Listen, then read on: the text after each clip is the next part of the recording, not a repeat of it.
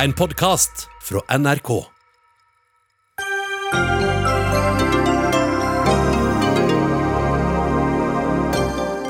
Høyre vil at alle som får sosialhjelp skal ha plikt til å være i aktivitet, også om det så skal være å trene hver dag. SV sukker og kaller det for symbolpolitikk.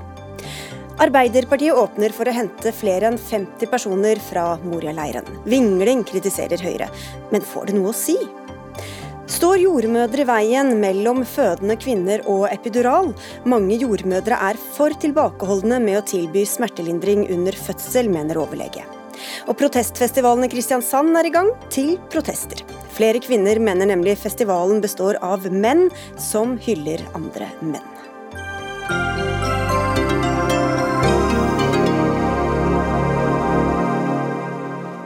Vel møtt til Dagsnytt 18, hvor vi også skal diskutere elbilfordeler. I studio i dag, Sigrid Solund. Alle som mottar sosialhjelp uansett alder skal være i aktivitet, det vedtok i hvert fall Høyres landsmøte i helgen. Tidligere har det bare vært aktivitetsplikt for dem under 30 år, men nå vil partiet at det skal gjelde alle. Aktiviteten kan være alt fra småjobber eller trening til større oppgaver. Og Arbeids- og sosialminister Torbjørn Røe Isaksen, hvorfor tror dere ikke at folk på sosialhjelp allerede i dag gjør alt det de makter og klarer å gjøre? Det har vi jo ikke sagt. Men det vi har sagt er at eh, det er fornuftig å stille krav til folk. Og den andre siden av krav, det er forventninger. Så det å ha krav og stille krav og ha forventninger til noen, er jo også en anerkjennelse av at man tror de har noe å bidra med, og man tror de kan også bidra til å løfte seg over i en bedre livssituasjon.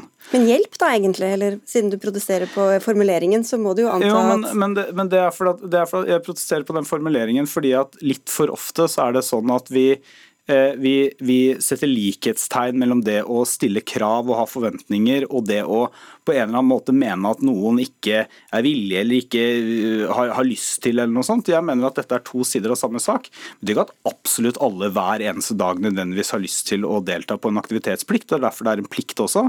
Og Grunnen til dette er jo fordi at punkt én, det har en egenverdi det å være i aktivitet og ha krav og forventninger til seg. Og punkt to, dette kan også bidra til å gjøre veien kortere over til utdanning eller arbeid. For vi vet jo at hvis du er lang, lenge utenfor arbeidslivet, så blir det vanskeligere å komme komme inn igjen. Karin Andersen, stortingsrepresentant for SV, leder for kommunal- og forvaltningskomiteen på, på, Stortinget, men likevel kaller dere det for symbolpolitikk. Hvorfor er det det, når vi, når vi vet hvor viktig det er å være i aktivitet? Ja, det er viktig å være i aktivitet. Derfor så vil vi gi Nav og kommunene plikt til å stille opp med gode tiltak som hjelper. Og det er mange problemer med det som Høyre nå foreslår. Det ene er at loven faktisk er sånn i dag at du kan stille vilkår da, hvis det er fornuftig. Og så er det veldig mange som har blitt bedt om å være med på tiltak som eh, slett ikke hjelper i det hele tatt. Man kommer ikke nærmere arbeidslivet, og det viser jo evalueringa av det forsøket som har vært med de under under 30 år, at eh, det ble faktisk verre for de som var mest vanskeligstilt. Og det handler jo om at man, jeg tror eh, Høyre ikke forstår situasjonen til mange av dem som er på sosialhjelp. Mange av dem har blitt kasta ut av AAP. Dette er liksom det siste, siste, nettverket de har, og de har en ganske lang vei fram. De trenger, mange av dem trenger omfattende helsehjelp. Mange av dem trenger omfattende kvalifisering og, og hjelp til liksom å komme over vanskelighetene sine. Og Da blir det feil å snakke om pisk hele tida. Det er liksom tvang og pisk osv. Folk står jo i årevis og venter på noe vettu å få lov til å drive med. Og Det er det vi må ha. og Da syns jeg ministeren, han er jo også minister for Nav, rydde opp i Nav. For den rapporten som kom der nå, viste jo at det var så mye som ikke funker der, som gjør at folk ikke får god hjelp. Og Det er det vi må få på plass. Ja, men for å høre, du, du, Det er ikke dere som snakker om, om pisk, bare for å ha sagt det også. Men, men hva er forskjellen da, mellom det som Nav skal gjøre i dag, hjelpe folk ut i aktivitet, og den plikten dere snakker om? Er at Karin Andersen tar jo feil på en ting. Det er ikke sånn at det er et forsøk med aktivitetsplikt for unge sosialhjelpsmottakere. Det er en ordning som vi har innført ja. til, mot heftige protester fra SV. og Det er for at SV mener at det å ha krav og forventninger som en plikt, det er det samme som pisk. Det er det du sier i praksis ja, men, okay, men nå, Karin Andersen. Hva er forskjellen på det sånn som det er i altså, dag, altså, som Nav skal gjøre, og det dere vil ha? Da vi, da vi foreslo å innføre aktivitetsplikt og startet med de under 30, så sa SV at jo, men man har jo anledning til å stille krav, og man har jo anledning til å pålegge folk å delta i aktivitet. Problemet var at veldig mange kommuner gjorde ikke det. Så hadde jeg blant annet, da jeg satt på Stortinget, vært i Åmli kommune, som en periode hadde veldig veldig mange unge mennesker som kom til sosialkontoret, og som var en av pionerene, og ikke Høyre som styrte kommunen, på å innføre nettopp arbeidsplikt, eh, aktivitetsplikt, for sosialhjelpsmottakere. De og flere andre har hatt gode erfaringer med det også. Derfor gjorde vi dette til et nasjonalt tiltak eh, som, som alle kommuner må gjennomføre. Og Nå er Høyres plan at vi skal utvide dette videre også til de over 30 år. Men problemet her er jo at verken kommunene eller Nav har gjort dette, sånn som du sier. Og Derfor så er det Nav og kommunene som må få denne plikten. Og så må man innføre dette med vett og forstand. Det er veldig mange som, eh, og det viser jo evalueringen av det, eh, det som er innført, da, at de ungdommene som har vært inne i dette og som har det vanskeligst, de har fått det verre. Og så er det de som har stått nærmest arbeidslivet, ja, de har kommet i arbeid, og det er jo bra. Og det er jo sånn som loven er i dag. Altså Der skal man jo stille vilkår, men man må òg være opptatt av kvaliteten på de tiltakene som gis. Men da, Det der... sier jo ikke nødvendigvis da noe om at det er noe galt med plikten, men bare at ikke den blir fulgt opp på riktig god nok måte da, fra men, de lokale men loven, i, loven i dag tilsier, sier jo at du skal kunne stille vilkår hvis det er formålstjenlig. Altså hvis det hjelper den som er på sosialhjelp, til å bedre helsa si, til å bedre situasjonen sin til kanskje å komme i jobb. Og Da er det den vurderinga ut fra helheten til den enkelte som skal være viktig. Og så må man ha noe med kvalitet å stille opp med til dem. For det er så mange av disse kursene og ting man blir bedt om å, å, være med på, som ikke fører til noen ja, altså Aktivitet for enhver pris, da, uansett så lenge det er en aktivitet? Jeg vil si altså, to ting. For det første så er det sånn at uh, det er jo ikke sånn at bare fordi man har en aktivitetsplikt, så skal man ikke hjelpe folk med å, ordne opp eller få helsehjelp for andre ting som er viktig. Aktivitetsplikt gjør ikke noe med deg hvis du har store helseproblemer. Hvis du har for store helseproblemer, så skal du for øvrig ut av sosialhjelpskøen og du skal over på, på uføretrygd. Men så er punkt nummer to, og det er at også her så må selvfølgelig Nav bruke huet. Men da er det sånn at for en 20-åring f.eks. som kommer inn eh, på Nav-kontoret, ber om sosialhjelp, kanskje er en av de som har snudd eller står i fare for å snu døgnet, så kan det jo bare ha et lav lavterskeltilbud hvor du må møte opp, ha noen faste rutiner hver eneste dag, det kan være et bidrag. Men hvorfor tror du ikke at Nav-kontorene gjør det i dag, arbeids, når, det er formålstjenlig da? Hvis det, hvis det, allerede er anledning Nei, til å gjøre det, hvorfor det gjør man ikke det, i dag da? Det vi så da SV og faktisk også Arbeiderpartiet sloss mot uh, dette forslaget for de under 30 med nebb og klør, det var at de skjulte seg bak noen paragrafer som sa at Nav kunne gjøre dette, men i praksis så var det veldig få som stilte den type eh, krav systematisk som det noen kommuner hadde begynt med. Men kan det også ha noe med at ikke det er finnes sånne tilbud da, til alle som kan sys til enhver situasjon? Ja, til enhver person? Jeg er enig, jeg er enig at disse to tingene må henge sammen. så Når vi nå har gjort det og stilt, eh, hatt aktivitetsplikt for mm. eh, sosialhjelpsmottakere under 30 år, så er det også fullt penger til tiltak med.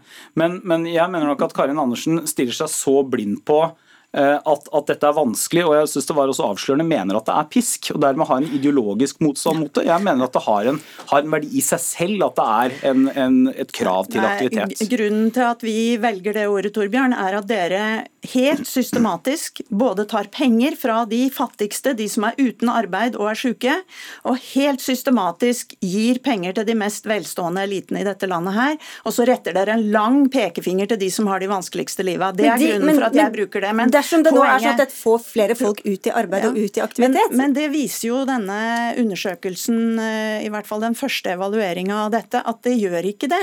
Og det er problemet. Og det er veldig store problemer i Nav. De har ikke nok folk til å følge opp. Og, og Røe Isaksen sier at ja, men hvis du har helseproblemer, så skal du få hjelp med det. Ja, men det er store mangler på det. Og det er store mangler på de gode tiltakene som vi vet hjelper folk, og ikke trykker dem lenger ned. Og det verste er at kombinasjonen av fattigdom og det å ikke ha jobb og det å oppleve en slik pisk, gjør at mange folk blir sykere og kommer lengre fra arbeidslivet. og Det er det alvorligste i denne saken. Ja, det, det er ikke erfaringa fra de kommunene som har prøvd det. Eh, det er heller ikke sånn at hvis du spør Nei, eh, erfaringa er ikke at dette er en pisk som du trykker folk ned med, snarere tvert imot. Når man startet med unge nå, så er det veldig mange som har hatt veldig positive eh, resultater av dette. Så gjenstår det å se, det kommer en grundig evaluering, så gjenstår det å se om dette alt i alt bidrar til å få eh, flere av sosialhjelp og over i arbeid og utdanning. Men jeg vil også mene da at det at du har en plikt og en forventning knytta til det, eh, forventning til deg, det har en viktig egenverdi også. Den plikten, den plikten må jo ligge på Nav og på det offentlige. Ja, det, det, plikten, plikten til å tilby ligger jo her på Nav. da. Det er ikke sånn at den enkelte har en plikt til å delta på noe Nav ikke har plikt til å tilby. Vi får vente på den store evalueringen og ønske dere velkommen tilbake da, begge to, Torbjørn Røe Isaksen og Karin Andersen. Takk. I ettermiddag har det vært en demonstrasjon foran Stortinget, arrangert av bl.a. SV, Rødt og Antirasistisk Senter. Kravet var at regjeringen henter flere enn 50 personer fra den nedbrente Moria-leiren på øya Lesvos i Hellas. I helgen rykket Arbeiderpartiet ut og sa at de vil hente flere enn 50, og kritiserte KrF for å hevde at det ikke var stortingsflertall for å hente flere enn altså nettopp 50. Masud Gharahkhani, du er innvandringspolitisk talsperson i Arbeiderpartiet. Hvor mange er flere enn 50? Jeg eh, registrerte at eh, Ropstad sa at det ikke er et eh, stortingsflertall for å ta imot flere enn 50, og det er feil og uriktig. Jeg minner om at når vi behandlet denne saken i april, så foreslo Arbeiderpartiet 500 flere kvoteflyktninger. Og så sa vi at denne økningen, snakk med FN, se om en andel av det kan være de sårbare fra Hellas og Moria med beskyttelsesbehov. Det ble stemt ned av KrF bl.a. Men hvor så, mange er flere enn 50? Ja, Det mener jeg at det er avgjørende at det er regjeringen, gjennom de samtalene de nå har med andre europeiske land, og sammen med Hellas på hvordan de skal stille opp for Men de har hatt den samtalen, det ble 50 det? Nei, det vi vet det er at de 50 de har kommet fram til er en forhandling seg imellom i regjeringen. Det er feil å låse seg til tall som ble tenkt ut før det forferdelige som nå har skjedd men, i Moria. Men, men har ikke dere noe tall? Altså Snakker dere om 10 flere, 20 flere, 100 flere, 1000 flere? Arbeiderpartiets standpunkt er følgende. Det er at Norge skal stille opp. Vi mener 50 er for lite men vi er et seriøst parti som mener at det er Norge, gjennom de samtalene vi nå har med andre europeiske land, og sammen med Hellas, på hva som er det riktige tallet. Men det å da si at 50 er nok, vi skal ikke stille opp for flere eh, enn det, det mener vi er feil. Norge har rom til det. Vi må gjøre det på en skikkelig jo, men Hvis dere selv har foreslått 500 flere kvoteflyktninger tidligere, så vet vi at disse skal tas av. Er det da 500? Er det i det liksom, leiet det ligger, eller? Ja, altså Det er jo sånn verden funker. At Stortinget kan vedta overordnede politikken. Det har vi gjort. Vi fremma 500 flere kvoteflyktninger. At en andel av dette skulle man sammen med FN vurdere om det var de med beskyttelsesbehov fra Moria. Det ble stemt ned. Så er realiteten at det er ikke Arbeiderpartiet som skal sitte i disse Nei, okay, så samtalene. Så dere har ikke en egen politikk på dette, da? Så jo da, vi har en egen det, politikk på det. Ja, hva er den, da? Jo, det er 500 flere kvoteflyktninger. Det er det rommet vi har, som vi ble stemt ned på av Ropstad og av KrF. Så poenget mitt er at det å skyve ansvaret på andre i Stortinget er feil. Hvis regjeringen vil, og det er politisk vilje til det, så er det mulig å ta imot flere enn 50. Det kommer vi til å støtte, men den jobben, hvordan det skal praktisk gjennomføres, det må regjeringen gjøre, for det er de som sitter i de samtalene med andre europeiske land og sammen med Hellas. Hans Fredrik Grøvan, parlamentarisk leder i Kristelig Folkeparti. Dere har jo jobbet hardt og lenge for å få flere mennesker, eller få hente mennesker rett og slett i det hele tatt fra Moria til Norge. Hvor glad er du fra disse signalene fra Arbeiderpartiet nå? Jeg må for det første si det at uh, vi har jobba over lang tid. For det sa jo jeg nettopp, ja, så det trengte du ikke å si en ting. Og Det har vært en viktig sak. Vi har sett den nøden som har vært i disse leirene. Vi trenger å gjøre noe, og Norge må på banen for å vise et aktivt initiativ sammen med andre europeiske land.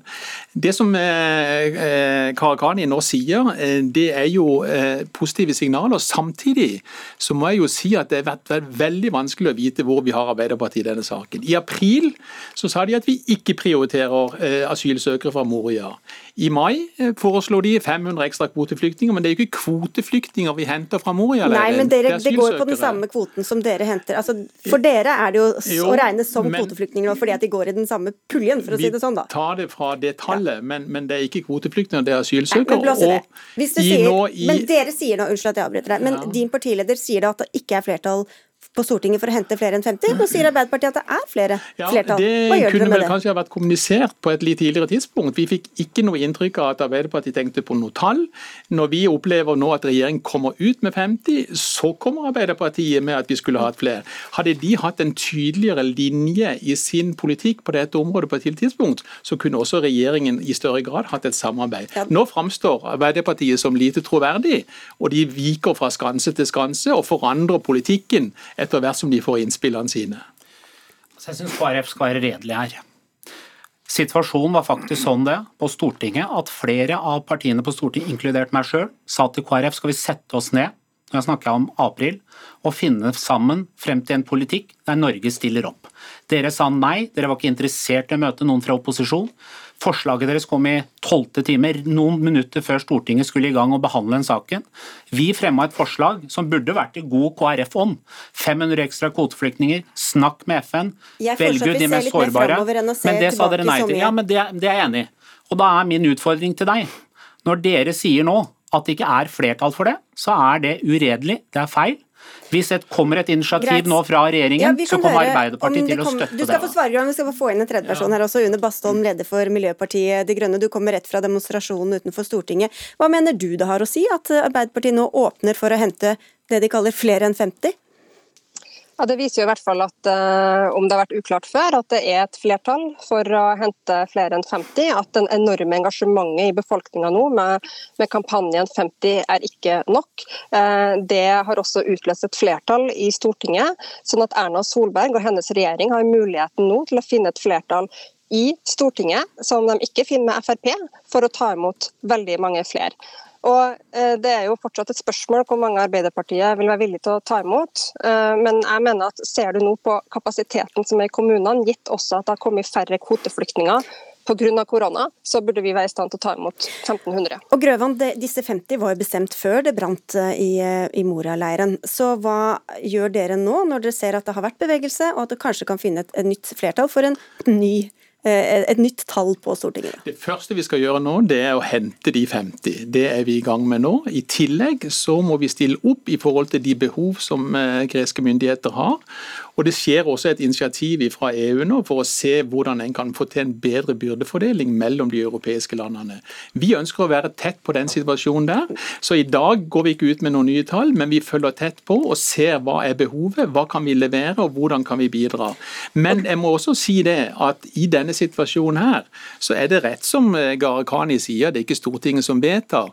Men når eh, en driver og forhandler om ulike løsninger, så må en få signaler som sier at Arbeiderpartiet er med på en løsning, framfor at de sier at de henviser til utvida kvoteflyktninger, og velger ikke å gi tydelige signaler om at det er et bestemt antall de gjør. Det, er, det, har de ikke gjort i denne saken. Og så er det noen partier som er på den helt andre siden. Ove Trellevik, du er innvandringspolitisk statsperson for Høyre, og du sier at Arbeiderpartiet vingler. Men hvorfor er det vinglete å endre politikken når situasjonen endrer seg? Ja, du hører jo hva han sier her. Eh, altså, de sa jo òg eh, i mai at TV-bildene kan ikke diktere eh, eh hvor FN sine behov er størst.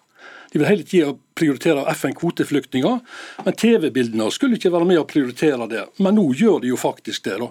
Men hele veien så vingler jo Arbeiderpartiet. Helt ifra de skulle ta 10 000 over Storskog til de skulle sende dem hjem til, til Afghanistan med direktefly. Og, og vi skulle ha asylmottak i, i Afrika, foreslo Gharahkhani her. Men er du, er, du en, er du, enig at situasjonen har endret seg for flyktningene på Lesvos? Eller asylsøkerne ja, ja, på Lesvos? Ja da, for all del. Og uh, Helt forferdelig å se de scenene vi ser fra flyktningleirene i Hellas. Og vi har et moralsk ansvar, det må vi bare erkjenne at vi har. Men når vi erkjenner det ansvaret, så er det òg legitimt å, å se på de ulike dilemmaene vi står overfor.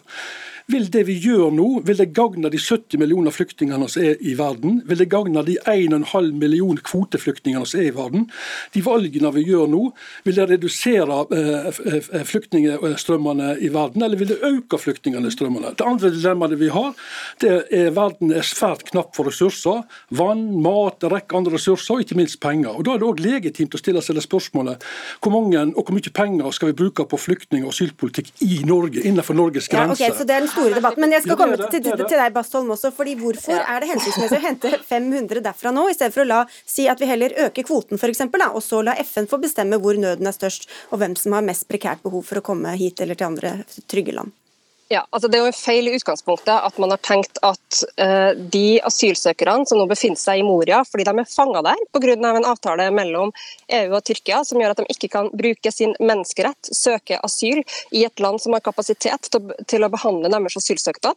Det er en feil at vi har tenkt at det skal ha noe som helst å gjøre med FNs kvotesystem. Så Hele det regimet der det har bare kommet av en uvilje mot å stille opp i en situasjon, en enorm humanitær uh, krise, som Norge er medansvarlig for. og Det mener jeg er et veldig viktig poeng her. Det er ikke snakk om at vi kan sitte og velge om vi skal hjelpe eller ikke hjelpe. Dette er mennesker som har blitt fanga på greske øyer fordi vi har laga en avtale som gjør at de ikke kan reise videre inn i Europa og søke asyl, sånn som har vært altså, retten man kan bruke og, og har vært praksis tidligere.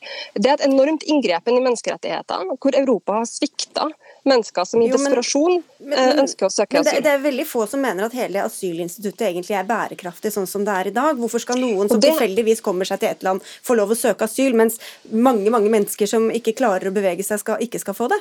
Ja, og det, det, er helt utvilsomt at det systemet vi har i dag er, det er ikke bærekraftig og det, det er ikke verdig heller, de, de, menneskene som kommer i den situasjonen. Løsninga på det er jo et mye sterkere europeisk samarbeid eh, om det man kaller byrdefordeling, som er et forferdelig ord i seg sjøl, men altså med å fordele ansvaret for å ivareta menneskers asylrett i verden. I en situasjon hvor mange av oss landene i Europa har både kapasitet eh, og vi har eh, penger og vi har godt organiserte samfunn som kan være med og bidra.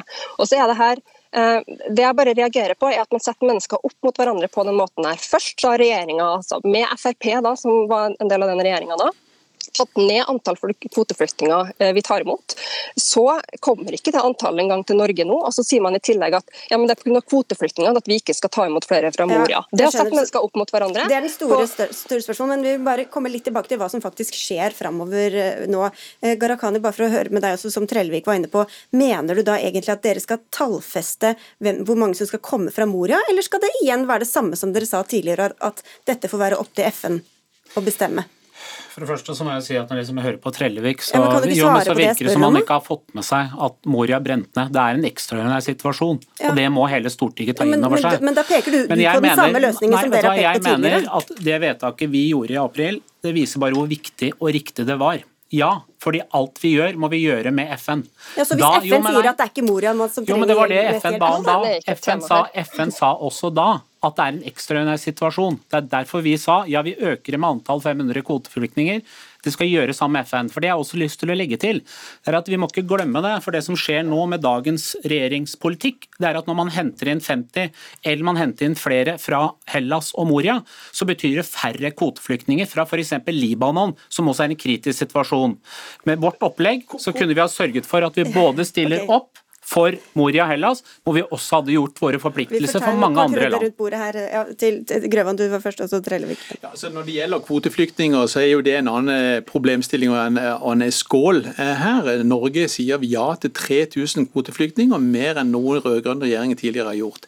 Det må vi holde opp. Og, blir det nå. Ja, og det må vi fortsette med. Samtidig så er jo ikke situasjonen annerledes i Moria nå enn den var i april-mai. Hvorfor gikk ikke Arbeiderpartiet da på banen? Er det ikke annerledes når ikke de har noe sted å bo lenger? Jo, men situasjonen jo, var jo prekær også da. Det var jo hjerteskjærende bilder. 20 000 mennesker i en leir for noen få tusen. Altså, Vi må hjelpe der og da, men vi kan jo ikke unnskylde oss og si at fordi at vi har sett nå de bildene de siste dagene, at hvis Arbeiderpartiet virkelig mente dette, så måtte de ha vært på ballen. Og vi skulle ha satt oss ned med Hva skjer nå? Det har jeg lyst til å si. Ja, det hadde vært fint hvis vi hadde svart på spørsmål. Når jeg stilte dem, så var det litt lettere. Jeg ser liksom mange sier at nå må Stortinget vedta noe på nytt. Vi kan liksom ikke vente til desember for å gjøre noe. Så Poenget er at ansvaret ligger hos regjeringen. Hvis det er politisk vilje til å ta imot flere enn 50, så kommer Arbeiderpartiet til å støtte det. Det var det som var vårt forslag når vi behandlet alle i ja. april. Så ansvaret ligger der. Greit, så ikke skyld på alle andre. Til en, til, det er dere sjøl. Fra, regjeringen her, fra regjeringspartiet i hvert fall. Så Arbeiderpartiet sier det er dere som må gjøre noe, og så skal Arbeiderpartiet se ja, litt hva de Norge, gjør etterpå. Og Norge er kanskje det flinkeste landet i Europa. Til sammen har vi tatt ca. 1600 stykker fra Hellas nå. Og hadde alle europeiske land gjort det samme som Norge i de to rundene vi har hatt med relokalisering, så hadde ikke Moria-leiren vært et problem i hele tatt. Det var 25 000 flyktninger der i januar, nå er det 13 000. Norge hjelper med Protester fra Stortinget. du, Underbasson, ja, hører du sier det stemmer ikke, men du har fem sekunder på slutten. Altså, Norge driver sammenlignes med de landene i Europa som har minst muligheter og kapasitet til å ta imot på en god måte. Det syns jeg ikke vi skal gjøre. Akkurat nå så vet vi at i 2020 så var norske kommuner klart å ta imot til sammen nesten 5 5000 flyktninger. Altså bosette 5000 flyktninger. Og så vet vi at det har bare kommet litt over 800 i juni kvoteflyktninger eh, til Norge. Det betyr, har, det betyr, at vi har, en enorm kapasitet der ute Greit. som ikke kommer til å bli erstatta av andre kvoteflyktninger nå pga. korona. Dette kunne fylt hele sendingen, men vi må dessverre si takk for at dere kom, alle fire. Masud Gharahkhani fra Arbeiderpartiet, Hans Fredrik Røvan fra KrF, Une Basson fra MDG og Ove Trellevik fra Høyre. Men vi skal ikke slippe temaet helt, for mens vi diskuterer hvor mange Norge kan og bør ta imot fra Hellas, så sendte norske myndigheter 23 nordmenn til Lesvos i dag. Der skal de bl.a. gi helsehjelp til mennesker som bodde i den nå nedbrente Moria-leiren, og de dro med et fly for noen timer siden. Steinar Olsen, du er beredskapsdirektør i Helsedirektoratet. Hvem er det de reiser, hva, som reiser, og hva skal de gjøre der? Vi har da sendt dette teamet nedover etter at eh, greske myndigheter sammen med WHO ba om internasjonal bistand. Så De har akkurat landet nå, og de skal da starte jobben der nede sammen med greske helsemyndigheter og etablere et helsetilbud i den nye leiren som er i ferd med å bygges opp. Hva slags helsetilbud og helsehjelp er det da først og fremst snakk om? Det blir å etablere et mottak hvor de som er syke, enten det er kvinner som skal føde, barn som har feber eller andre sykdommer, eller de som er COVID, mulig covid-19-mistenkt syke, skal kunne få helsehjelp. Mm. Avklares på stedet og tilbys medisinsk behandling i den grad vi klarer det i en leir. Ja, for Det virker ganske kaotisk der. Vi har hele koronasituasjonen. Hvilke spesielle utfordringer og problemer er det de kan støtte på? Det er klart det, det med covid-19 er jo en utfordring. så Derfor så er personellet utstyrt for å kunne håndtere alle som de er i berøring med, som om de skulle være covid-19-smittede. Så at vi ivaretar tryggheten til personellet. Det er et laboratorium der som gjør at vi kan teste raskt og få et raskt svar på om eh, den som er syk, er smittet. Og så vil vi yte de helsetjenestene som de trenger, de som er der. Hellas uh, ba mange land om hjelp. Som du sa, bistand koordineres gjennom WHO. Men hvordan unngår man at folk går i beina på hverandre, eller kanskje til og med gjør det vanskeligere for hverandre å hjelpe? Akkurat sånn det er nå, så er det ikke veldig mange der nede. Det er uh, Leger uten grenser, lokalt Røde Kors og en organisasjon som heter Medisin du. De er på stedet. WHO har kontakt med de sammen med greske myndigheter, sånn at vi koordinerer dette på stedet der nede. Så Når vi kommer ned, så blir vi kontaktet av, eller møtt av WHO, som da setter oss i arbeid der det er mest hensiktsmessig. Og Hvordan har helsepersonell og andre trent på den situasjonen? Det helsepersonellet vi sender nå, det er 10% av det som er den nasjonale helseberedskapen. Vi har ti sånne team for nasjonal innsats. Noen av disse har eh, for et par år siden fått trening for å bistå internasjonalt. Noen av de har vært ute før. Så har vi plukket ut da 20, to, eller 22 stykker av disse til å bistå der nede. Så de er på plassen nå. Så de er godt trent. De har trent på farlige situasjoner, de har trent på å bo under vanskelige forhold, men allikevel yte gode helsetjenester. Og så er det kanskje noen som tenker at vi mangler helsepersonell her hjemme. Vi ser at det ikke har vært nok til å, til å hjelpe de som er syke, enten det er med covid-19 eller andre. Mm. Og da sier du at det handler ikke bare om solidaritet, men at dette også gagner Norge. Ja. Vi ser at eh, den erfaringen vi får ute, den er vanskelig å få på annen måte. Så den, eh, det å jobbe under disse forholdene, se disse pasientene, det bringer også kunnskap hjem til Norge. Det teamet som var i Bergamo i Italia, når de kom tilbake, så har vi brukt de til kompetanseoverføring her i Norge. Men også når vi hadde den krisen på Roald Amundsen, så sendte vi deler av det teamet opp for å yte helsetjeneste om bord i skipet. Så dette er direkte overførbart til også hendelser i Norge. Og nå skal de være der i første rekke i to uker, men det ja. kan bli lenger? Vi får se hvordan situasjonen utvikler seg. Så vi får håpe at vi klarer oss med to uker, men vi får se. Takk skal du ha for at du kom, Steinar Olsen, beredskapsdirektør i Helsedirektoratet. Tusen takk. Hør Dagsnytt 18 når du vil. Radio NRK.no.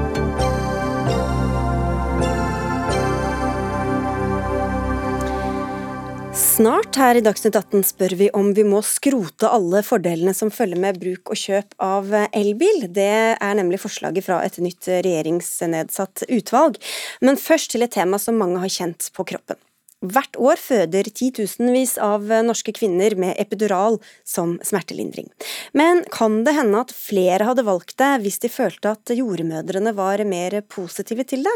Mange jordmødre er for tilbakeholdne med å foreslå epidural under fødsel, sier du til NRK Nordland, og mener at det ligger en ideologi i bånn. Trond Norseth, du er overlege ved St. Olavs hospital. Hva slags ideologi er det du da sikter til? Nei, Ideologien jeg sikter til er en slags ideologi om at det er best å føde uten noen hjelpemidler, uten, eh, helst uten noen ting, eh, som det er en del jordmødre som er veldig tilhengere av. Og Det kan godt være at det er riktig for mange av de fødende, men så er det ikke alltid at det nødvendigvis er riktig for alle. Så jeg er opptatt av at alle av de som, skal, eh, de som ønsker smertelindring med epidural, skal da bli godt opplyst om den muligheten, og få den muligheten hvis er, når man kommer dit til fødselen. da at det er tema. Og Hvordan merker du det du opplever som en skepsis da i ditt virke som anestesilege, altså den som gir den epiduralen? Nei, altså Det jeg adresserer, er jo at, eh, at, at, eh, noen fødende eh, kommer i en slags forhandlingssituasjon hvor de da må mase på jordmor for å få fødeepidural. Og det vi erfarer innimellom, anestesileger, jeg kan ikke snakke for alle anestesileger, da, men det er jo et godt kjent fenomen at vi noen ganger ringes altfor seint når fødselen har kommet altfor langt, eh, og hvor effekten av å få epidural er begrenset. Epidural kan man jo sette veldig tidlig i fødselen, og det har ingenting å si om den settes eh, tidlig eller sent i forhold til hvordan fødselen forløper. Da, viser jo, hvis man ser på de studiene som er gjort. Mm. Leder i Norske jordmorforening, Kari Aare. Er det en utbredt negativ holdning til å bruke epidural, epidural blant norske jordmødre? Nei, den beskrivelsen kjenner jeg meg faktisk ikke igjen. Og de tilbakemeldingene jeg har fått av jordmødrene da, etter at eh, Norseth skrev dette, er at eh, de ikke kjenner seg igjen i den beskrivelsen. Så skal jeg ikke påstå at det aldri har skjedd. Men vi har alle et ansvar for å gi saklig og rett informasjon om vår egen eh, yrkespraksis og de som vi skal samarbeide med. Og Derfor syns jeg det er uheldig at Norseth tillegger jordmødre en egen ideologi som tilsier at vi ikke vil gi eh, fødekvinner eh, smertelindring. Nå er det nylig en, um, publisert en undersøkelse på jordmødres holdning til smertelindring. Og alle jordmødrene som var med i den studien, var enige om at epidural var en god form for smertelindring. Hvor har du dette fra egentlig, Norseth? Nei, Det er jo egen erfaring. Dette er et fenomen jeg peker på. og så blir jeg nok sikkert litt spissformulert, fordi dette er et tema som har vært lite debattert. og Noen ganger, noen ganger må man være litt tydelig. Men man kan jo se på den studien som eh, ble gjort på Ahus, som var utgangspunkt for eh, en Viten-artikkel som starta hele denne debatten. her, og der var det jo Av rundt 1000 fødsler så var det jo nesten 300, 30 hvor, hvor det var 9-10 cm åpning når epiduralen ble satt. Og Det er jo veldig veldig sent. Da. Det er jo en, jeg skal ikke si det er meningsløst, men det er helt åpenbart at når en tredjedel av de fødende der får epiduralen så sent, så er det et eller annet som er galt et eller annet sted.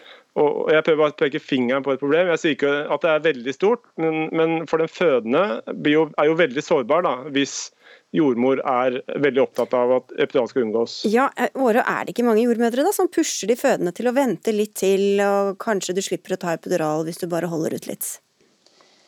Eh, det er nok riktig at vi jordmødre eh, i situasjoner der vi ser at det kan gå mot en fødsel om ikke så lenge, at vi prøver å gjøre en avtale med den fødende. Kan vi gjøre opp en ny vurdering om en times tid f.eks., og hvis du fortsatt ønsker epidural, da, så får du det. Eh, men det er selvfølgelig helt opp til den fødende. da, og Motsetter hun seg det, så, så, så bestiller vi den epiduralen. Og jeg er helt enig med Norseth at det er meningsløst å sette en epidural på 8-9 cm. Og det er derfor vi òg jobber tett med kvinnene med å støtte dem i, i både valget de tar, men òg eh, fremme selvfølgelig kroppens egen måte å reagere på en fødsel. Men det vil ikke det vil likevel ikke si at vi ikke vil gi kvinner epidural. Eh, nå må vi tenke på at En fødsel er jo eh, en naturlig prosess. Og så må vi ta inn over oss at ikke alle kan eh, føde helt knirkefritt og trenger både anestesileger og fødselsleger. og vi må òg tenke på at det er et skille mellom natur og kultur på avdelingene. Og der det er et problem, så tenker jeg at vi er mye mer tjent med at sykehusene setter seg ned og diskuterer jordmødre, anestesileger og fødselsleger rundt bruken av epidural, mm. enn at vi går ut i media og skremmer den fødende. for hun kanskje ja, Er det det du mener skjer her? At man skremmer de fødende ved å ta opp dette temaet? Ja, jeg mener at uh, fødende suger til seg alt som står i media. Enten de, det står noe negativt om oss jordmødre eller positivt. Uh, og vi er mer tjent med å debattere det på et litt mer saklig uh, nivå enn Spesielt når Norseth sier at andre kommer med synsing, så syns jeg ikke han skal komme med synsing for egen regning. Da setter vi over til deg, Norseth. Vi er tre forskjellige steder alle sammen her. Ja, jeg vil ikke si at jeg, synes, jeg, jeg tar opp et problem. Altså, vi må huske på at uh, dette, har vært sånn det har vært lenge. At det er sånn at noen jordmødre påvirker dette her. og Jeg kan ikke se at de fødeavdelingene har tatt dette problemet opp og gjort noe med det. Men det er jo litt også sånn som du legger frem også, at uh, det er liksom en slags vellykka fødsel da, hvis man har gjort det uten epidural. og Vi har hjulpet kvinnen fram til en fødsel uten epidural, og det er naturlig, mm. og man bryter ikke en og andre av. Ja. Uh, men, men, det er jo et veldig personlig valg. da. Det, det er jo ikke noe jordmor skal bestemme, det er jo kvinnen sjøl som bestemmer om hun skal ha vil ha epidural. Det ja, for, er jo ikke jordmorsvalg. For Hvis det er sånn veldig tydelig for den fødende å skjønne at jordmoren syns det er fint og flott med en naturlig fødsel uten noen form for smertestillende, hvor lett tror du det er da å be om epidural uten å føle at man er totalt mislykka som fødende kvinne? Nei, da tror jeg at uh, både Norseth her misforsto det jeg sa. Det jeg sa var at vi må bygge opp under de prosessene som er naturlige. Og så må vi òg sørge for at eh, kvinnen opplever en normal fødsel med eller uten eh, epidural. En normal fødsel er ikke lenger et begrep som betyr en fødsel uten epidural. En normal fødsel er en fødsel eh, også med epidural. Eh, men gjerne uten medisinsk eh, intervensjon. Eh, og så er det noen kvinner som trenger det, og det aller viktigste vi kan gjøre, er å gi god informasjon i svangerskapet. På Kvinneklinikken i Bergen har de prøvd et sånt samvalgsprosjekt akkurat når det gjelder smertelindring, som de ikke er helt ferdig med. Men det syns jeg er en god idé, der kvinner får komme inn til klinikken, snakke om smertelindring, hvilke ulike typer vi har, og hvilke valg de kan ta når de kommer inn. Helt kort til slutt, Norseth. Er det rett og slett litt sånn profesjonsuenighet og synet på medikamentbruk og hva som er naturlig og ønskelig? Ja, som jeg tar innom, er, innom, så er det jo ideologi her, delvis. Og så er, Det er veldig mange flinke, gode jordmødre som ikke er preget av dette, men det er noen. Og Det er det jeg prøver å adressere, at dette er ikke akseptabelt. og Jeg kan heller ikke se at Jordmorforeningen er noe, heller tar noe oppgjør med dette. De bare, det er liksom jeg som er problemet. da. Det er ikke, det er ikke liksom disse okay. få jordmødrene som bryter med helt grunnleggende pasientrettigheter når de ikke informerer ordentlig. Det hørtes ut som den debatten skulle tas litt internt også. Vi får ta, si takk for at dere også tok den i full offentlighet. Kari Aare fra den norske jordmorforening og overlege Trond Norseth.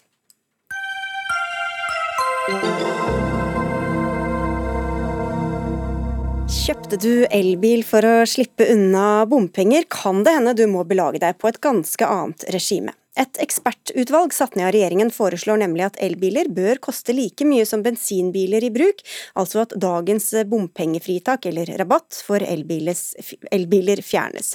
Anne Grete Bruvold, du ledet dette utvalget. Hva er det som gjør at dere kom fram til denne konklusjonen? Ja. Eh, vi har sett på hvordan eh, bompengeinntektene kommer til å utvikle seg hvis at en eh, beholder de fordelene som er i dag, og for så vidt holder all annen politikk og all annen virkemiddelbruk uendra framover.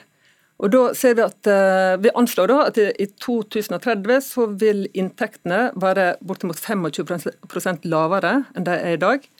Fordi mange eh, flere kjøper elbil? Ja, mm. nettopp. Mm. og, fordi, og, og, Samtidig så vil trans transporten eller trafikken i byene øke med 25 og Det stemmer jo ikke, det går ikke hop med de ambisjonene en har i forhold til bypakkene, med finansiering av bypakkene. Det forsvinner jo inntektsgrunnlaget. og Samtidig så har en ambisjon om å, eh, et nullvekstmål i personbiltransporten i byene, som òg eh, ryker. da. Ja.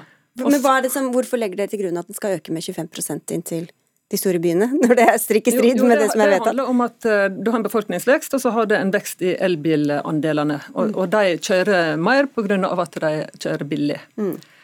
Og så har vi sett på forskjellige måter å utforme politikken på. Da. Så har vi sett på ja, ok, Hvis en skal opp, opprettholde nullvekstmålet, Eh, hva skjer da med inntektene? Jo, da får vi en enda høyere fall. for Da blir det mindre transport. ikke sant? Så da blir det mindre transport av eh, fossile biler, og et enda større inntektsfall. Og så har vi sett på hvor mye må det øke, øke takstene for bensin- og dieselbiler, da, hvis at en da fortsatt har fritak og nedsatte takster for elbiler, og skal opprettholde dagens inntektsnivå. Jo, da må det øke takstene med mellom 70 og 100 Det er fasiten mm. hvis at en skal beholde elbilandelene. Mm.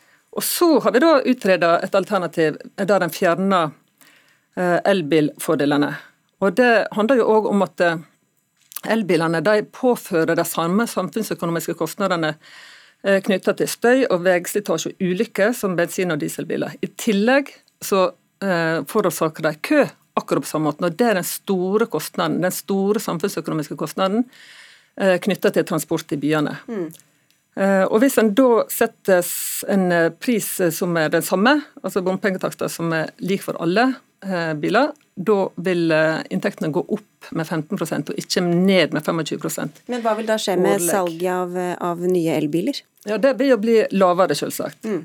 Men så er vi jo opptatt av å formidle at, vi, at det er utslippene som er problemet. Det er ikke elbilene. Elbiler er ikke et mål i seg selv, men det er utslippene ifra den fossile, den fossile, transporten så viktig, og der har du jo, ja, har du andre virkemidler, f.eks. CO2-avgifter. Men, men, hva har dere beregnet da, for hva er dette for å si for klimagassutslippene og for lokale utslipp, dersom dere legger dette andre scenarioet til grunn? Nei, det har, vi, det har vi ikke sett på. Men da, det tenker vi at det er politikk og hvordan en skal En har jo mål om å om å redusere utslippene, og de eh, ligger i bakgrunnen her, så det er andre deler av politikken som må ta seg av. Da skal vi slippe inn de som skal diskutere politikken, og takk skal du ha. Du skal få slippe å, å være med på det. Eh, færre elbiler solgt eh, hvis, hvis godene fjernes. Det var vel ikke akkurat rakettforskning. Men Unni Berge, du er leder for kommunikasjon og samfunnskontakt ved Norsk Elbilforening. Hva synes du da om konklusjonene her? Jeg synes det er litt håpløst at man gjør det til et problem at politikken virker. Vi har en kjempegod miljøpolitikk i Norge som gjør at vi som trenger bil, eh, velger elbil i stadig større grad. Og Det har vært ønska, og derfor har man lagt til rette for at folk skal kunne velge elbil. Men når folk da endelig gjør det, så gjør man det til et problem. Og da er det liksom plutselig ikke bra nok. Men poenget er jo at vi skal ha enda flere elbiler på veiene. Ni av ti biler som er på veiene, er ikke elbiler. Mens vi skal trappe opp, og i 2025 så skal alle nye biler som er solgt, være elbiler. Men da var jo alternativet at man må doble avgiftene for de diesel- og bensinbilene. Hvor god løsning er det? Ja, men det vi vet, er at vi må bruke virkemidler som virker. Og vi har tre viktige virkemidler for å velge elbil i Norge. Det er fritaket på kjøp, på kjøpsavgiftene, og så er det bruksfordelene. Og den aller viktigste grunnen, aller viktigste bruksfordelen, det er bompengefritaket, eller bompengerabatten. Samferdselsminister Knut Arild Hareide, når må elbilistene begynne å betale mer? Ja, Vi skal jo nå målet i 2025. Da skal alle personbiler som blir solgt i Norge nye, de skal være nullutslippsbiler. Det er en målsetting som ligger tydelig fra regjeringa, og den skal vi nå. Og Så er det naturlig da på et tidspunkt, når da så å si samtlige biler i Norge kommer til å være nullutslippsbiler, så er det naturlig òg at vi tenker hva gjør vi med bompengene på det? Eh, og Det er jo det som er viktig for meg, er at det skal være god konkurransekraft bak å kjøpe elbiler. Men det er jo mange tiltak i dag. I dag er det fordeler på bompenger, det er fordeler på parkering, det er fordeler med at du kan kjøre i kollektivfelt, det er fordeler på avgifter, det er ikke moms på elbiler. Så det er mange fordeler i dag vi må fortsette den positive utviklingen.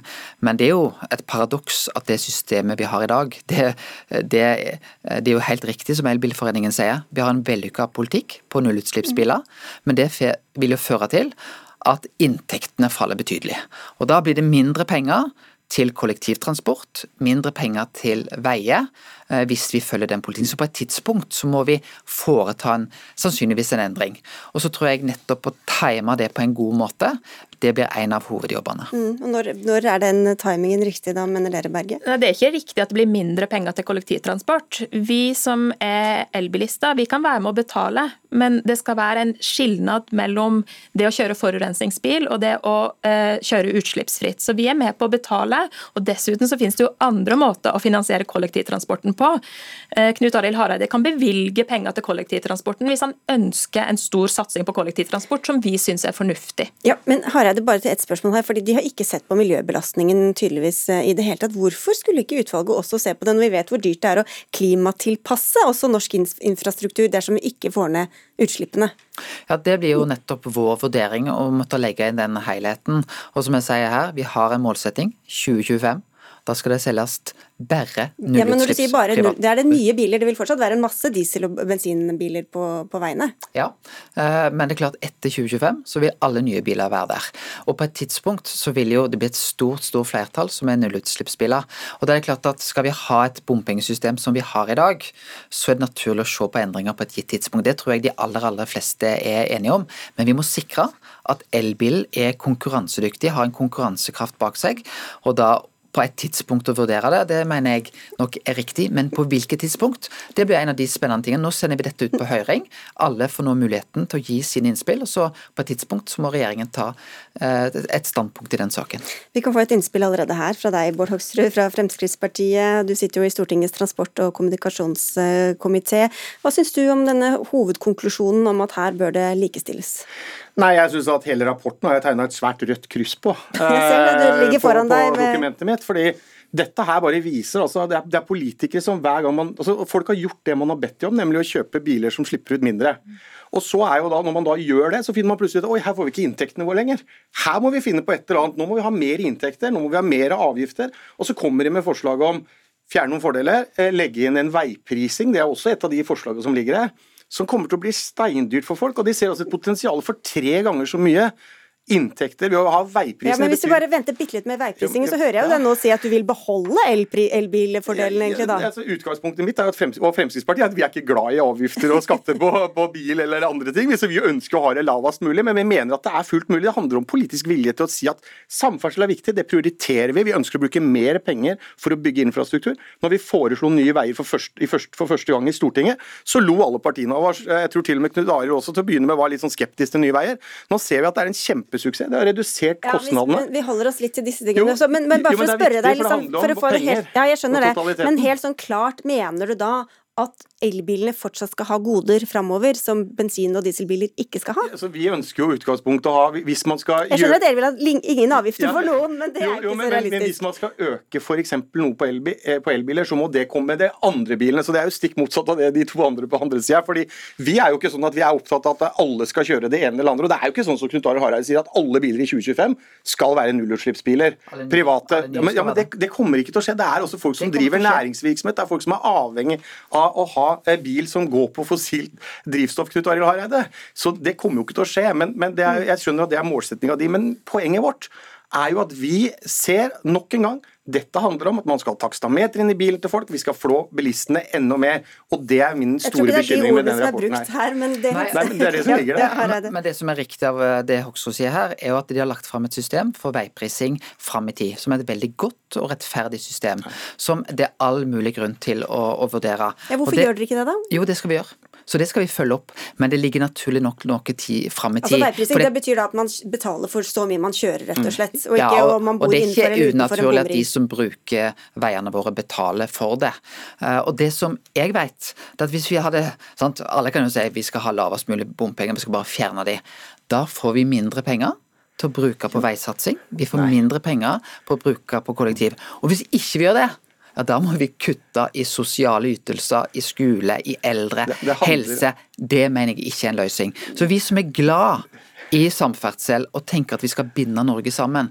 Vi bør òg faktisk være positive til at vi har bompenger. Selvfølgelig på et passelig nivå, sånn at vi har legitimitet. Eh, og det, derfor så, så, kan jeg forstå helheten i denne rapporten, men spørsmålet er på hvilket tidspunkt vi skal gjøre det. Ja, problemet med denne rapporten er jo at det er en rapport som ødelegger klimamålene våre, og som skaper forurensning i byene våre. Og Vi har nettopp vært igjennom et tiår med utfordringer på, eh, på, dieselbiler i byer som skaper problem for folk med astma, for problem for folk eh, med dårlig helse. Og Dit skal vi ikke tilbake, men denne rapporten sier det at det skal skal ikke lønne seg å kjøre elbil. Du kan like godt kjøre dieselbil. Det er en dieselbilrapport. Og det kan vi ikke ha. Så når, når Knut Arild Hareide sier at det alltid skal være bra konkurransekraft mellom elbil og forurensende biler, så betyr det at han må bevare den regelen som sier at man maksimalt skal betale 50% av det en bensin- og dieselbil betaler. Skal, er det en jeg syns ikke det er rart at Elbilforeningen nettopp ønsker å fremme alle eh, nullutslippsbiler sine krav, men det er en helhet i dette. Det er ikke bare snakk om bompenger, de har fordeler ja, men, på parkering. Og de fordelene skal vare lenger enn til 2025. Jeg tror det veldig, men, men, bare høre med deg, det, det må være fordeler for elbiler. Ja, og, Ellers og andre vil vi ikke velge det. Men, men det må være en viss eh, forholdsmessighet i det. Og hvis vi ikke er villige til å se på dette i framtida, så faller altså inntektene. Og det mener jeg er et problem Det forstår vi. for Men- kollektivsatsing og for veisatsing. Men Hoksrud, mener du at det ikke skal differensieres noe? At det skal være like billig å kjøre en bil som slipper ut masse både eh, for lokal eh, forurensning og klimagass, som en som ikke gjør det? Fremskrittspartiet er opptatt av valgfrihet, at folk skal få muligheten til å velge. Ja, så det skal ikke være noen men det er- differensiering det er, der? Det er differensiering i dag, men vi ønsker Ja, jo men at hvis man, dere? ja, men hvis, vi skal øke på, hvis, man skal øke på elbil, så må det eh, gå ned på de andre bilene. For det, det er jo det, Ja, men altså, de er, det er et ganske ja, men enkelt det- spørsmål jeg stiller men deg. men- Mener du at det, skal, at det skal være dyrere å kjøre en bil som forurenser mye både lokalt og med klimagasser, enn en som ikke gjør det? Men, men jeg mener det er forskjell i dag. Man har de fordelene man har på elbiler i dag. Også, også, Ja, men det er ikke det jeg spør om hva det er altså- i dag. Jeg spør hva dere Altså, så- vil. Men da sier jeg det at Vi ønsker jo at det kan godt hende at man skal harmonisere noe, men det er jo ikke sånn at vi ønsker for det, det som er forslaget er annet at på, på vanlige biler, fossile biler, så vil de doble Ja, men jeg spør hva Fremskrittspartiet det vil. Vil dere at det skal være like billig å kjøre en fossilbil som en elbil eller en annen nullutslippsbil? kjære, kjære programleder, hvis jeg får lov å svare. Nei, vi ønsker ikke å øke avgiftene, vi ønsker å jobbe for å redusere de. Og så er det sånn at Ja, men Knut- Hvis dere skulle lage deres Ja, men- egen politikk på biler, hvilke biler Ja, hadde da- da vært da- dyrest å kjøre? Ja, da, da vi, fortsatt så er det jo sånn at Vi ønsker å redusere på de bilene som er vanlige biler i dag. fordi folk er faktisk, mange er faktisk avhengig av de. Ja, men, men... jeg, jeg ja, er men- helt gal. Hører Nei. du at jeg stiller deg et spørsmål? Ja, Hvis du får velge, skal det være like billig. Skal det være like billig å kjøre en fossil Ja, bil som for- for- en nullutslippsbil? Fremskrittspartiet så er det sånn at folk skal kunne få lov å velge. Vi har jo sagt at vi ønsker å redusere avgiftene. Men vi kan jo velge selv om det er dyrere vi- Ja, men du, du spør meg hva Fremskrittspartiet vil, så sier jeg Fremskrittspartiet ønsker å redusere avgiftene på biler, også de bilene som ikke er elbiler, eller andre, andre nullutslippsbiler som har, ikke har avgift. Men vi ønsker å redusere på de andre. Men så, så gikk Knut Arild, og jeg syns at han får lov å slippe litt billig unna med det. For han sier liksom at ja, hvis ikke vi gjør dette, så går det utover, da blir det sosialhjelpsutbetalinger og den type ting. Nei, det gjør ikke det. Det betyr kanskje at man ikke skal bruke 1,3-4 milliarder kroner på å lage en ekspressykkelvei i de store byene. At man skal velge de dyre prosjektene. Man kan lage rimeligere prosjekter som gjør altså at bilisten ikke bare får en masse, eh, en, en svær regning ekstra, sånn som veiprising her legger opp til. Men det er Ja, jeg må bare si denne sykkelveien som jeg hadde æren av å åpne, som da kom under, da Fremskrittspartiet styrte Samferdselsdepartementet, det er en suksess. Jeg Nei, det det å få noe. Vi trenger å få flere til å sykle. greit. Uh, Vi, det- vi trenger lavere avgifter for bilister. Det begynner å bli et kjempeproblem for veldig mange som, som er avhengig av bilen, og som kjører Nå snakker det- bilen. Men nå er det en høring, så de har mulighet til å tenke seg om og melde inn i høringen. Hva dere mener, det har vi fått med oss fra Elbilforeningen. Så vi Flere må få velge elbil. Det er valgfrihet, det. Ja, ja, ja, ja, valgfrihet er så mangt. Takk skal dere ha, i hvert fall alle for at dere kom. Anne Grete Bruvoll først, som altså ledet dette utvalget. Bård Hoksrud fra Frp, Knut Arild Hareide samferdselsminister, og Unni Berge fra Elbilforeningen.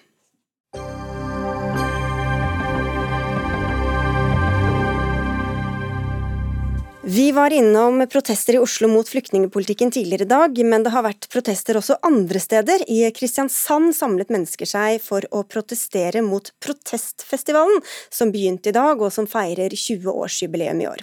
Protestfestivalen beskriver seg som Nordens eneste festival mot avmakt og likegyldighet. Årets program er inspirert av fem menn, deriblant Henrik Wergeland og Jens Bjørneboe. Dette protesterer du og flere andre kvinner mot i et innlegg i Klassekampen i dag, Kari Henriksen. Du er stortingsrepresentant for Arbeiderpartiet, og du holdt også appell i Kristiansand i dag.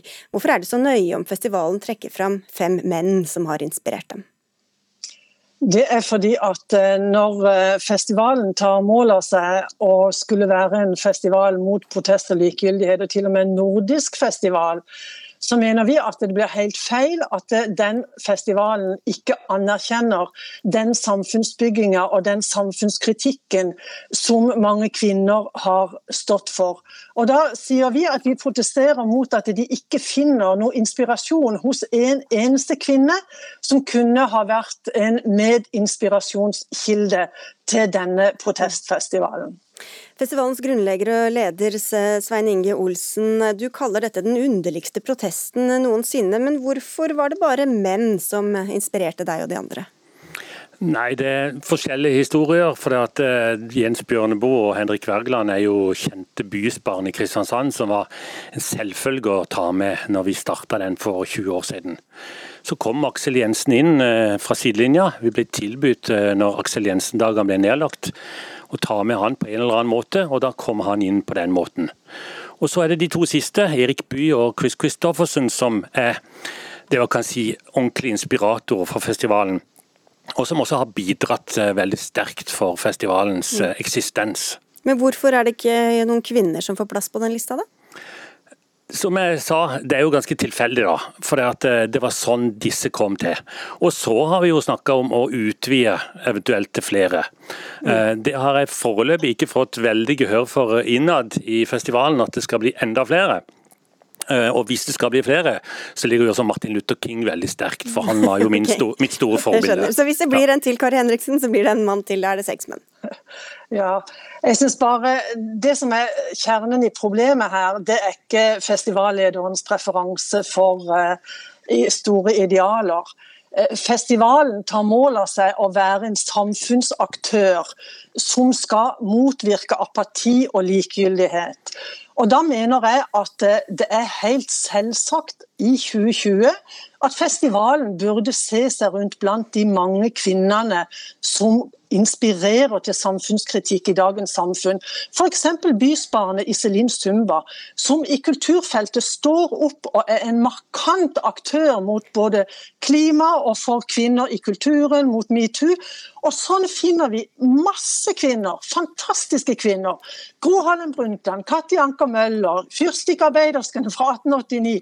Jeg kan ramse de opp, og det er en lang, lang liste av kvinner som har bidratt til at samfunnet faktisk endrer seg, og som har vært kritisk til det bestående. Ja, Olsen, jeg bør ta den videre. Hvorfor har ikke en protestfestival mer plass til en av de største protestbevegelsene i historien, nemlig kampen for likestilling og kvinnekamp? Alle, de fleste av de navnene som de har foreslått, har vært på protestfestivalen, deltatt på protestfestivalen.